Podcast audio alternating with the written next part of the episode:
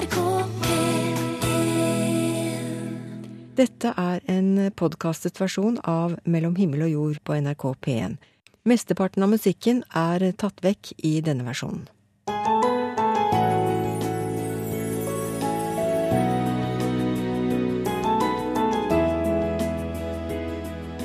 Når jeg sto og så meg sjøl i speilet, så så jeg egentlig bare noen Jeg så en mislykka nordlending som prøvde å være noe han ikke var. I had never loved myself. I had never valued myself. I had always lived a life of fear. It was like I had turned my own energy against me, and my body manifested that as cancer. To mennesker som på ulike vis har fått livet i gave på ny ved å verdsette seg selv for den de er. Anita Moriani, som frisknet til da hun skjønte at hun måtte leve på en annen måte og bli glad i seg selv, hun våknet mirakuløst fra koma og hevdet at nær døden-opplevelsen hadde vist henne veien til livet.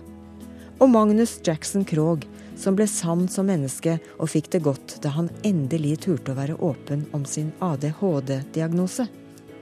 Begge har de skrevet bok, og begge møter du her i dagens Mellom himmel og jord. Vi skal også ganske snart reflektere litt rundt temaet som har vært på alles lepper i det siste, kampen mot voldelig ekstremisme. Mellom himmel og jord med Miriam Wiklund. Hele 5000 mennesker gikk denne uken i tog i Oslo for å demonstrere mot den ekstreme islamistiske gruppen IS. Initiativet kom fra unge muslimer, som fikk med seg toppolitikere, imamer, minoritetsledere og folk av alle slag. En av de unge muslimene som holdt appell, var 19 år gamle Faten Madi al-Husseini. Jeg er muslim og aksepterer ikke de barbariske handlingene til ISIS og drap på uskyldige. Og nei, de er ikke en del av det jeg tror på. Og nei, de representerer verken meg eller andre muslimer som står her i dag mot ISIS. Så kjære vakre nordmenn og ikke-muslimer, ikke ha fordommer mot oss. Faten Madi al-Husseini er muslim, men fordømmer handlingene til den ekstreme islamistiske gruppen, som ikke står i veien for å ty til tortur og drap for å nå sine mål. Men hvem er egentlig IS? Hva vil de oppnå, og hvordan rettferdiggjør de sine brutale handlinger i Allahs navn? Professor i historie ved Universitetet i Oslo, Øystein Sørensen, forteller at organisasjonen tar i bruk alle midler for å nå målet sitt. De vil ikke gi seg før hele verden er muslimsk og dette drømmesamfunnet er blitt opprettet som en global institusjon som hele menneskeheten må være en del av. Store ord og tanker, voldsomme handlinger. De siste ukene har den ekstreme islamistiske organisasjonen prega nyhetsbildet både i og utenfor Norge. IS, eller Den islamske stat, som organisasjonen òg blir kalla, er ei jihadistgruppe som kjemper mot regjeringene i Irak og Syria. Organisasjonen ble etablert i 2013 og har røtter tilbake til kampen mot den USA-leda invasjonen av Irak i 2003. Mens verden i dag består av mange trossamfunn og livssyn, så kjemper IS for bare én religion. Målet til IS er å skape et såkalt kalifat over hele verden. Kalifatet, det var en historisk institusjon. Kalifene var Muhammeds etterfølgere. Og IS' uh, store forbilde, det er uh, Arabia og den uh, muslimsk kontrollerte delen av Midtøsten slik det var på 600- og 700-tallet. De har det vi kan kalle en forestilling om en gullalder. Denne tolkningen deres, det er det de forestiller seg at islam var på begynnelsen. Og ønsker å konstruere et moderne samfunn som er basert på dette bildet. Men det er ikke det samme som det historiske, virkelige islamske samfunnet slik det var på 600- og 700-tallet. De har valgt ut det som passer dem, og valgt bort det som ikke passer dem, for å si det enkelt. Målet er én verden med én religion. Den som ikke vil være en del av dette samfunnet, må bort. IS er kjent for å rettferdiggjøre bruken av vold og drap for å nå sine mål. Altså Det samfunnet de vil skape, det er så stort og så edelt, så fullkomment, at alle virkemidler er tillatt. Og videre at slike brutale, hensynsløse virkemidler som det de benytter seg av, de er ikke bare tillatt, men de er hensiktsmessige for dem for å oppnå målet. Og da vil det være et poeng at uh, de vil bruke denne brutaliteten helt kynisk uh, til å uh, skremme fiender. Og, og, enten skremme eller passifisere personer som de ikke vil ha som fiender, og også som noe som kan trekke til seg uh, spesielt kampvilje og militante mm. tilhengere. Men, men, står det virkelig noe i Koranen som rettferdiggjør det å halshogge folk og drepe folk og være så stygge mot mennesker rundt seg? Det er fullt mulig å finne allmenne vers i Koranen som er militante eh, og krigerske. Det er ikke noe problem, det. Men de mer konkrete utformingene av slike straffer, og den, særlig den brutaliteten som IS mener å finne, ja, det er ikke først og fremst Koranen der de finner det. Det er i disse senere overleveringene, hadittene. Hadittene er overleveringene som forteller om Muhammed, hva han sa, gjorde og tillot. Samtidig som IS hensynsløst henretter uskyldige mennesker, fordømmer muslimer over hele verden framgangsmåten til organisasjonen. Hvordan kan én religion tolkes så ulikt? Islam har utviklet seg på ulike måter i ulike land og ulike tradisjoner. Og vi må vel tilføye da at ja, det er ikke bare i islam der man kan se ulike tolkninger og gjensidig fiendtlighet. Europa og kristendommen hadde f.eks. Uh, sin del, for å si det på den måten, etter den lutherske og uh, andre typer reformasjon. Uh, og på 1500- og 1600-tallet eh, så opplevde man ganske hatske religionskriger i Europa mellom ulike typer kristne mennesker.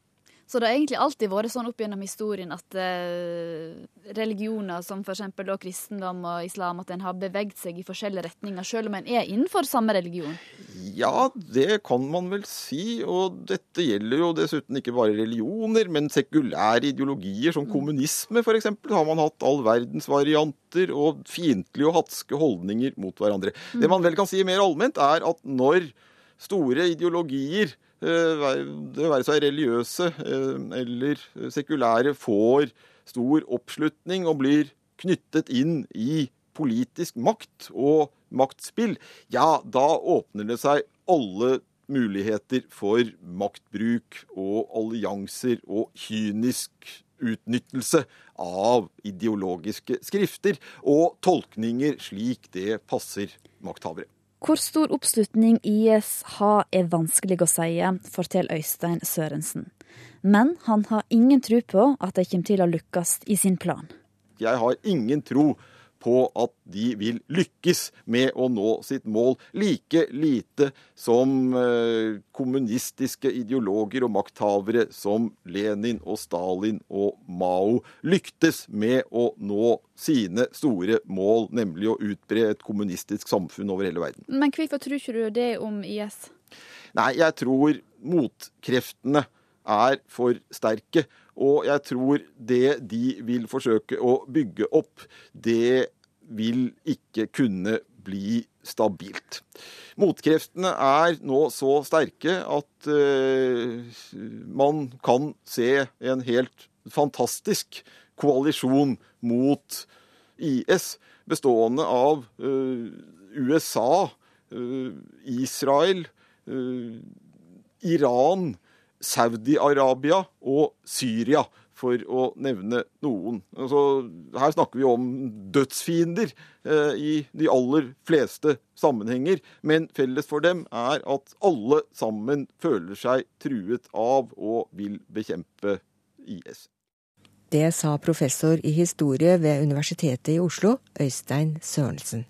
Reporter her, det var Camilla Kjønn Tingvoll. Mellom himmel og jord nå skal du få møte Anita Moriani, som ble en medisinsk sensasjon for ca. åtte år siden. Hun ble nemlig mirakuløst frisk etter å ha våknet opp fra koma, mens leger og pårørende var sikre på at hun var i ferd med å dø.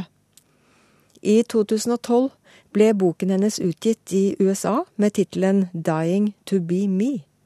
Den er oversatt til over 30 språk, og i fjor utkom den også på Cappelen Dam og heter Døden ga meg livet.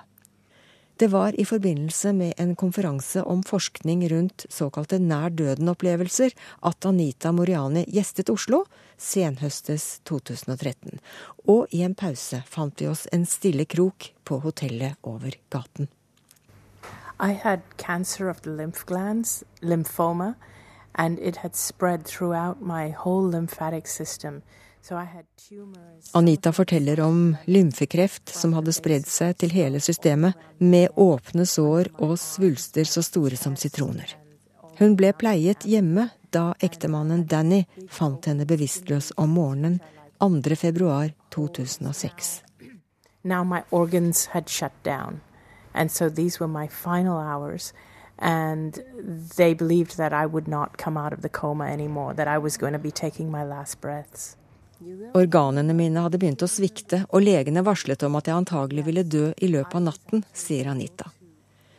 Hun har sin elskede Danny ved sin side i sofaen, og de to veksler blikk når hun forteller om de 30 timene hun lå i koma, og alt det merkelige som skjedde med henne da. For bak de lukkede øynene foregikk det utrolige ting. Yes, I was actually able to see, hear, and feel everything that was happening around me. But more importantly, I felt really amazing. My physical body was in a coma, my physical body was in a really bad shape, but there was a part of me that felt it was not attached to the body. And that part of me, it was like, you, I don't know whether to call it consciousness, soul, whatever But I felt amazing. Nær døden-opplevelsen til Anita føyer seg inn i en lang rekke av rapporter som er innsamlet verden over. Forskning viser at ca. 20% av pasienter som er blitt gjenopplivet, mener å huske sammenfallende ting som skjedde mens hjernen tilsynelatende var satt ut av funksjon. I likhet med mange andre så hun seg selv utenfra og observerte alt som foregikk i rommet. Hun hørte det som ble sagt, samtidig som hun følte seg som en del av en annen åndelig virkelighet. Og i den dimensjonen hadde hun det helt fantastisk. Hun følte seg friskere enn noensinne. I felt alive and free and it was like this I was not feeling in pain. There was no more pain. There was no more fear. It felt as though I was as healthy as I have ever felt in my life and um, and I and I felt like I was just uh, wrapped in this feeling of unconditional love, just amazing feeling of just being loved. From whom? No one in particular, and that's why sometimes the word love is deceiving. I could say love from God, but God is not a being. It wasn't something separate from me um, I felt as though I was one with consciousness, one with God. Anita snakker om sitt møte med en sterk og altomsluttende kjærlighetskraft som hun opplevde som guddommelig. Det var da hun ble klar over hvorfor hun hadde blitt syk. Hun betraktet det livet hun hadde levd. Oppvokst i Hongkong med indiske foreldre. Hjemme var det ett sett leveregler, og på den engelske skolen hun gikk, der var kulturen en annen. Hun prøvde så godt hun kunne å leve opp til forventningene begge steder, men følte seg totalt mislykket. I began to understand why I had cancer and how every decision and every choice I had made in my life from all those years, I began to understand how all those choices and decisions led to the point of me lying there dying in that hospital bed. How come? It was because I had never, ever valued myself. My whole life, I had never loved myself. I had never valued myself. I had always lived a life of fear. And in that state, I understood that I had, because I had always forsaken myself, made myself small, treated myself like a doormat, that it was like I had suppressed my own energy. It was like I had turned my own energy against me, and my body manifested that as cancer. Jeg forsto at mye av grunnen til at jeg ble syk, var at jeg aldri hadde verdsatt meg selv, sier Anita. Jeg brukte meg selv som dørmatte for andre. Dessuten hadde frykt vært min viktigste drivkraft. In the past, I would make all my choices from fear. In other words, I would do things because I feared the consequences if I didn't do them. Nesten alt jeg gjorde, var styrt av frykt. Frykt for konsekvensene hvis jeg ikke gjorde som forventet. But now I do things because I want to do it, because I love to do it, or because you know I it it's my passion to do it. So very different reasons for doing things. Um, so that's the biggest thing that's changed. So when you woke up, Yes. you, you were another person in a way? when I came out of it, I was a completely changed person, yes, because I completely understood how powerful that we humans are, that I understood how powerful I was, and I understood the power that was available to me, and I understood that we, our bodies are strong and resilient, but we, we don't realize they are. Mm. And so I had a completely different understanding of life when I woke up. Jeg hadde fått et helt annet syn på livet da jeg våknet opp etter nær døden-opplevelsen, sier Anita. Det er gått åtte år nå, og siden da har hun levd med en ny forståelse av seg selv, og den kraften hun mener vi som mennesker har tilgjengelig. Anita har fjernet seg fra forventningspress og frykt, og hun veksler igjen varme blikk med ektemannen Danny når hun forteller om at hun nå lever etter lystprinsippet. Men hvordan reagerte Danny på sin nye kone i gåseøyne, og hvor raskt registrerte han at hun hadde forandret seg? Um, I think it started to manifest um, shortly after she, she came out of the, the coma. Anita was so much more positive and so much more radiant, and you could see just by looking in her eyes and just listening to her, voice, there was pure confidence. And as she, after she came out of the hospital, it was no more a case of what will people say, but more a case of what should I do? Forandringen så jeg like etter at hun våknet til bevissthet, sier Danny. For det var nok å se henne inn i øynene eller høre på stemmen hennes til å forstå at hun var blitt langt tryggere. Men denne historien er jo ikke til å forstå. For den handler om noe vi har lært ikke lar seg gjøre. Anita Moriani har fortalt at svulstene skrumpet inn med 70% bare på noen dager, og at hun var utskrevet som frisk litt over en måned etter innleggelsen. Da hadde de åpne sårene grodd av seg selv, og ingen spor av kreft var å finne. What did the, the doctors say? You, you got really well. You, yes. The doctors couldn't explain it. Every doctor came up with a different explanation, but they could not explain it. One of the doctors summed it up really well. He just said, Whichever way I look at it, you should be dead. That's what one of the doctors said. Legene skjønte ikke stort da Anita helt uventet frisknet til. Hun forteller at en av dem uttalte at hvordan han enn betraktet det som hadde skjedd med henne, så skulle hun ha vært død.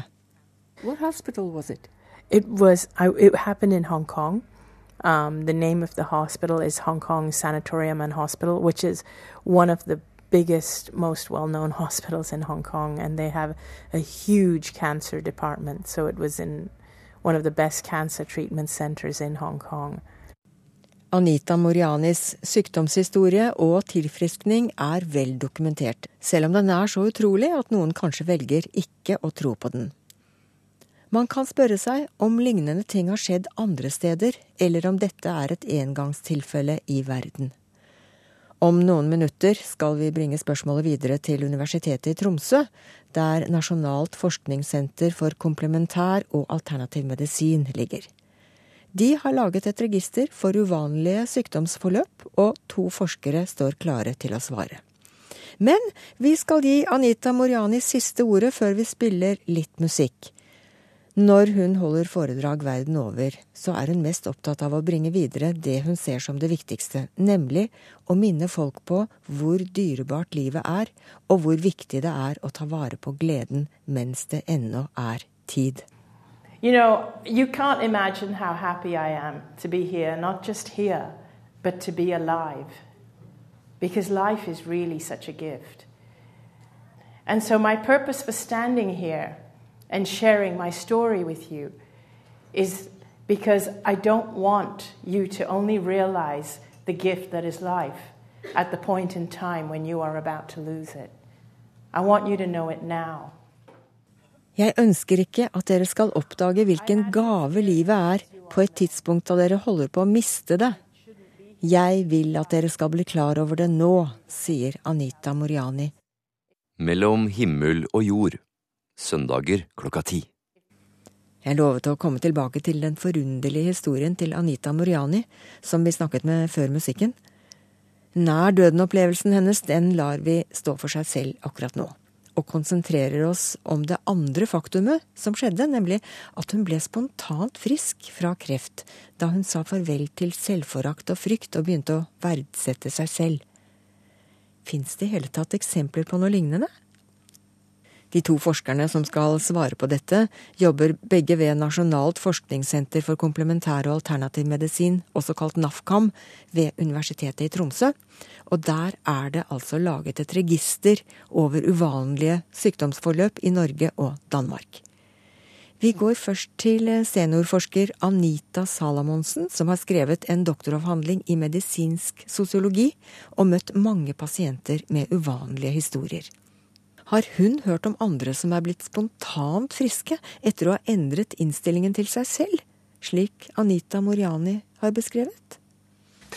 Ja, nei, I likhet med det, med det hun forteller, så, så, har også vi fått innrapportert til oss historier hvor folk forteller at ved å legge om livet sitt og være mer tru mot seg sjøl, så har de også blitt uventa friske av alvorlig sykdom. Mm -hmm. Gjelder det kreft også?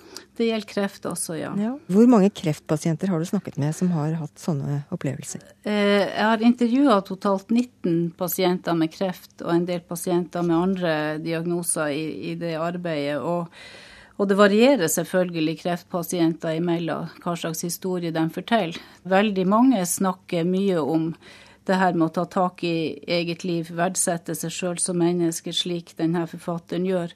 Også i forhold til det å leve et bedre liv med kreft, ha bedre livskvalitet når du er syk. Det, det er en del pasienter som mener at de har blitt uventa bedre eller uventa frisk av sin kreftsykdom pga. bruken av alternativ behandling. I den bruken inngår det jo også, til, også det her som Anita Moriani snakker om, med at eh, med å verdsette seg sjøl og ta vare på seg sjøl. Og, og, i forhold til det her med livskvalitet, så er det jo også det her med at det er fokus på dem som et helt menneske. Og en kritikk som ofte reises mot skolemedisin, da, det er jo at, at du blir sett som diagnose, som en diagnose og ikke som en person. Og det er jo mange leger som heldigvis er kjempedyktige på det motsatte. men det er jo også sånn at eh, spesielt i spesialisthelsetjenesten så har du et kort lite kvarter hvor du skal behandles for din spesifikke diagnose, og da blir det ikke verken tid eller fokus på det hele mennesket. Og for mange pasienter som, som de mener jo at det er helt avgjørende for at de skal leve bedre med eller bli bedre av kreft, at de faktisk møtes som den personen de er. Det er jo snakk om at vi er jo ikke bare en fysisk kropp. Mennesket er jo altså det, det er jo noe Det her mentale er jo også utrolig viktig for mange. Lege Arne Johan Norheim, du er kollega med Anita Salamonsen fordi du er seniorforsker ved NAFKAM, du også. Mm. Er du enig i at eh, mennesket er mer enn bare kropp? Ja, det er jeg veldig enig i, og det ser vi jo hele tida at eh, forhold rundt selve sykdommen har ganske stor betydning for forløpet av den enkelte sin historie. Mm -hmm.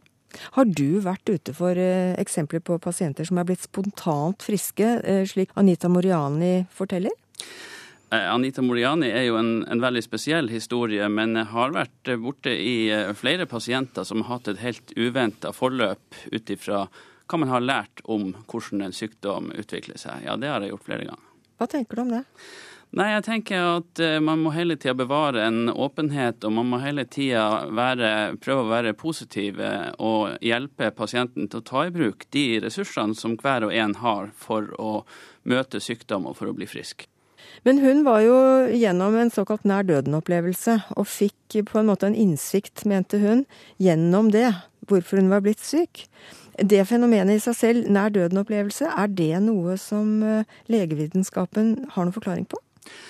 Nei, jeg tror ikke man har noen sånn fullgod forklaring på det. Men, men, det er klart det er jo en ekstremsituasjon, og det er jo ganske mange likhetstrekk på det som disse personene forteller om hvordan de opplever seg sjøl. Eh, så det er nok noe med mindsettet når man er på vei til den andre sida som vi enda ikke vet noe om. Tilbake til dette med kropp og sinn. Ja.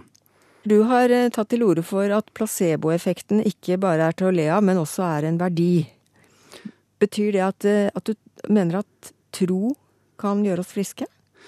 Ja, tro er i hvert fall et element i det å ha med syke folk å gjøre. Og eh, jeg mener jo sågar at det er helt feil å ikke ta i bruk det potensialet som ligger i placebo, hvis vi velger å kalle det for det, da. Hvordan da? Nei, fordi at placebo er et veldig uensarta begrep som innbefatter veldig mange ting. Men det er klart at det å være positiv, det å sørge for at pasienten klarer å være positiv, det er veldig, veldig viktig når man som behandler og lege møter pasient i en vanskelig situasjon. Hvor mange pasienter har du møtt eh, i din praksis som har blitt spontant bedre uten at du helt har forstått hvorfor? Ja, jeg tror jeg vil si det på en litt annen måte. Altså, hvis, hvis dere skal se på de pasientene jeg har hatt, så er jeg helt sikker på at kanskje opp mot en tredjedel av dem, eh, så, er det, så, er det, faktorer som ligger utafor den spesifikke behandlinga som har bidratt til at de har fått det bedre. Altså det at eh, de enten får lov å være med og bestemme, det at de har egne synspunkter, det at de er i en stor grad positiv til sin egen framtid. Nå er det jo sånn at eh, dere på NAFKAM kanskje får inn bare en liten gruppe mennesker med spesielle sykdomshistorier, og det er de sjeldne tilfellene, er det ikke det? Jo da, det er jo et veldig selektert utvalg som vi sitter inne med, det er det. Mm. Så dere har eksempler derfra, men altså folk flest opplever kanskje ikke akkurat det vi snakker om her, da. Spontan helbredelse og at de føler seg bedre bare ved å tenke positivt? Nei da, det, det, er nok ikke sånn at dette er et universalmiddel som hjelper for alle. Men eh, på den annen side så tror jeg at vi bare har en veldig liten andel av alle de som har eh, helt spesielle historier å fortelle. For det er jo ikke alle som eh, syns de har overskudd og krefter til å komme med sin historie. Så jeg tror det er mange, mange flere enn det vi har i vårt register som har en historie å fortelle. Det er kanskje ikke alle som tør å fortelle legen hva de gjør heller?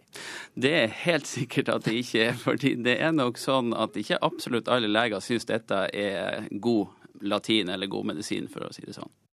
Det sa lege og spesialist i allmennmedisin Arne Johan Norheim, som bl.a. jobber som seniorforsker ved Nasjonalt forskningssenter for komplementær og alternativ medisin ved Universitetet i Tromsø, også kalt NAFKAM. Mellom himmel og jord. Radio med mening. I mange år klarte ikke Magnus Jackson Krogh å godta seg selv. Han var flau over diagnosen ADHD, og skjulte dette for alle andre. Et blogginnlegg skulle få den unge mannen på andre tanker. For noen år siden så, så lå jeg Jeg grein meg i søvn så mange ganger, og jeg, jeg tror jeg hadde tårer nok til å kunne sjøsart Hurtigruta opp i Nord-Norge. Jeg er sikker på det. Når jeg sto og så meg sjøl i speilet, så så jeg egentlig bare noen Jeg så en mislykka nordlending som prøvde å være noe han ikke var. Magnus Jackson Krogh tenker tilbake på barndommen og ungdomstida på den vesle heimplassen Kjøllefjord i Finnmark. Ei tid prega av mye indre og ytre uro det skjedde så mye rart. Jeg, jeg, husker en gang så brøt jeg meg inn i en bil for å stjele Sputnik-kassetter. Og Sputnik, altså Sputnik-artisten er ikke så bra at du Jeg fikk så mye pass for det innbruddet, eh, og Sputnik var ikke verdt det. Jeg gjorde så mye rare ting. Jeg tror inni meg at folk enda på skolen og oppe i Kjøllefjord husker meg som eh, jævelungen på én eh, meter. Jeg er, vel, jeg, jeg er, ikke kortvokst, men det er ikke så veldig langt unna. Eh, og de husker nok mye av det jeg gjorde, fordi at Og det, og det kan, for en, en, som ikke har diagnosen, eller vet så mye om den, så kan det virke som at man gjør ting på Ja, for å være jævlig, rett og slett. Men i retrospektiv så ser jeg jo det at impulsdelen av diagnosen min var den som forårsaka veldig mye av de tingene som jeg gjorde. Ei forvirrende tid for en ung gutt som så gjerne vil være sånn som alle andre, men ikke får det til. Som tiåring får han diagnosen ADHD. Men Magnus fornekter diagnosen, og skjuler han for venner og bekjente. Jeg skulle ikke være noe annerledes, og jeg skulle ikke ta noe, noe større plass. Jeg skulle ikke ha noe særbehandling. Jeg skulle ikke ha noe jeg skulle ikke ha noe ekstra eh, å gjøre noe Jeg var jo så mye fra før av. Jeg ville ikke at Jeg tror i hvert fall at jeg ville ikke at det også skulle bli en sånn Å, her kommer han igjen med et eller annet nytt, ikke sant. Og jeg har bestandig vært oppmerksomhetssyk, og, så jeg skulle ikke ta noe større plass med det. Pluss at jeg ville ikke at folk skulle vite at jeg egentlig så skal jeg gå på medisin, ikke sant. Mange sånne ting. Jeg ville ikke være noe annerledes. Mm. Så det var angsten for å skille seg ut i ei gruppe da, som, som gjorde det? Det var det absolutt. Magnus fornekter diagnosen og hvem han er i mange år. Men etter et brudd med kjæresten blir han tvunget til å tenke over livet sitt og hvordan han har det.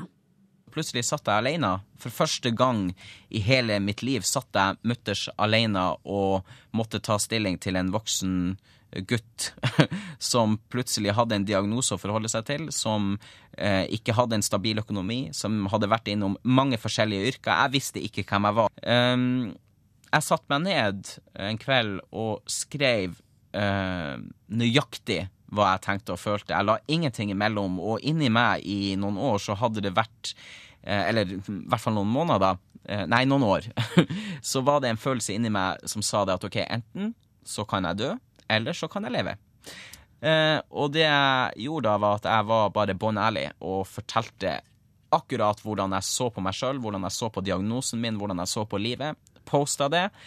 Og tusenvis av mennesker meldte seg med akkurat samme følelse som meg. Så plutselig så var jeg gikk fra å være verdens mest ensomme fyr til å ha tusenvis av mennesker rundt meg. Telefon ringte, det kom mail, det kom masse, masse brev. Um, og da innså jeg det at OK, jeg er ikke alene i det hele tatt. Så dette ble vendepunktet for deg? Det ble Altså, det Jeg er så glad for at jeg skrev eh, Og det har jeg sagt mange ganger. Jeg er så glad for at jeg skrev det, for ellers så tror jeg ikke at vi hadde sittet og prata i dag. Det er, veldig, det er veldig klisjé å si, men, men jeg var på det punktet hvor jeg bare ikke det var ikke noe vits. Og det var ikke sånn forbigående Jeg snakker med veldig mange som har sånn uh, ups and downs hele, hele, hele, dagen, nesten. Altså Mange har det om dagen, eller måned, eller, da, eller dager eller år. For meg så var det bare sånn det var. Enten så skulle jeg dø eller ikke. Mm. Uh, men, men, men, da vil jeg si at tilbakemeldinger fra andre folk har gjort at du føler deg bedre. Altså det at du veit at du ikke er alene om denne diagnosen, det har gjort at du aksepterer ADHD-en? Ja, ADHD-en når når jeg satt og skulle skrive om denne diagnosen, så, så måtte jeg, da måtte jeg jo prøve å forklare mine egne følelser og, og sette ord på dem. Og det fant jeg ut at plutselig at jeg hadde et vokabular som var veldig bra. Jeg har aldri kunnet på en måte snakka veldig bra for meg sjøl. Jeg har aldri kunnet satt ord på det jeg har følt. Og jeg har i hvert fall ikke vært ærlig med dem rundt meg om, om nesten noe, egentlig. Det har vært ljug fra ende til annen, og det var en slags beskyttelsesmekanisme, tror jeg. Det å sette opp en fasade eh, og love ting som jeg visste jeg aldri kunne klare å holde. Og plutselig ble jeg veldig naken, egentlig, og allikevel godtatt av så mange tusen. Um, og så var det en unge som skrev til meg at jeg hadde akkurat klart å forklare livet hennes, og uh, det her var Jeg tror hun var 12 eller 13 år. Og da tenkte jeg med meg sjøl OK, hvis jeg har klart med det jeg har skrevet her, å forklare en 13-åring sin tankegang uh, så er jo det verdt alt det her. Ok, men da skal jeg bare fortsette å skrive. Da er jo det det her jeg skal gjøre. Jeg skal jo ikke være på Hotell Cæsar, jeg skal jo skrive en blogg. Um, og det Ja, den, den mailen fra den, den 12-13-åringen, den har betydde jo alt på det tidspunktet. men du, det at du har klart å blitt åpen eh, kring denne diagnosen, altså hva har det personlig gjort med deg? Du sier jo at du eh, følte deg mindreverdig før. Um, jeg tror alle som får en viss oppmerksomhet for et eller annet de gjør eller sier, uh, både på godt og vondt, vokser jo som menneske. Uh, og jeg har ikke bare fått positive tilbakemeldinger for all del, det har vært veldig mye negativt òg. Men, men, jeg tror det at plutselig så har jeg, jeg har fått en utfordring i livet som gjør at jeg kan jeg kan, jeg kan, faktisk skape et eller annet, jeg kan lage et resultat. Hele livet mitt så har liksom ikke, jeg har ikke klart å å ha et resultat på et prosjekt jeg har begynt på. Jeg har eh, sagt at det her skal jeg gjøre, og så blir det bare rot. Eh, som jeg bruker å si at jeg skulle bare rydde rommet mitt, og så ble det mer rot enn det var i utgangspunktet. Det vil si, tanken var god, men resultatet ble det ingenting av. Og, og det oppsummerer egentlig hele min karriere og mitt liv. Eh, veldig kort, egentlig. Eh, og plutselig så hadde jeg et, et eh, resultat. Bloggen min var plutselig blitt noe, eh, og jeg hadde noe jeg kunne være stolt av. Eh, det var ikke det jeg hadde drømt om egentlig, men, men eh, på det her tidspunktet så var jeg veldig åpen for alle nye ting. Altså, når du, eh, når du er så lei av livet at ikke du har lyst til å leve, så er hva som helst til det positive veldig bra. Sånn at plutselig så hadde jeg noe å, å leve for. Magnus Jackson Krogh ønsker større åpenhet rundt diagnosen sin. Det har i alle fall hjulpet ham med å godta den han er. Så derfor har han skrevet bok om dette. ADHD, min verste fiende og beste venn. Reporter Camilla Kjønn Tingvoll. Og da lakker og lir det mot slutten på Mellom himmel og jord. Send oss gjerne noen ord om du har kommentarer eller innspill til oss. E-postadressen er himmel og jord i ett ord krøllalfa nrk.no. Eller send brev i posten til Mellom himmel og jord, NRK 7005 Trondheim. Vil du høre programmet om igjen, ja da kan du slå på DAB-radioen i kveld klokka 21.03. Da går det i reprise på den digitale kanalen P1. Eller du kan gå inn på vår nettspiller radio.nrk.no. Vi har også laget en versjon uten musikk som du kan laste ned til din datamaskin.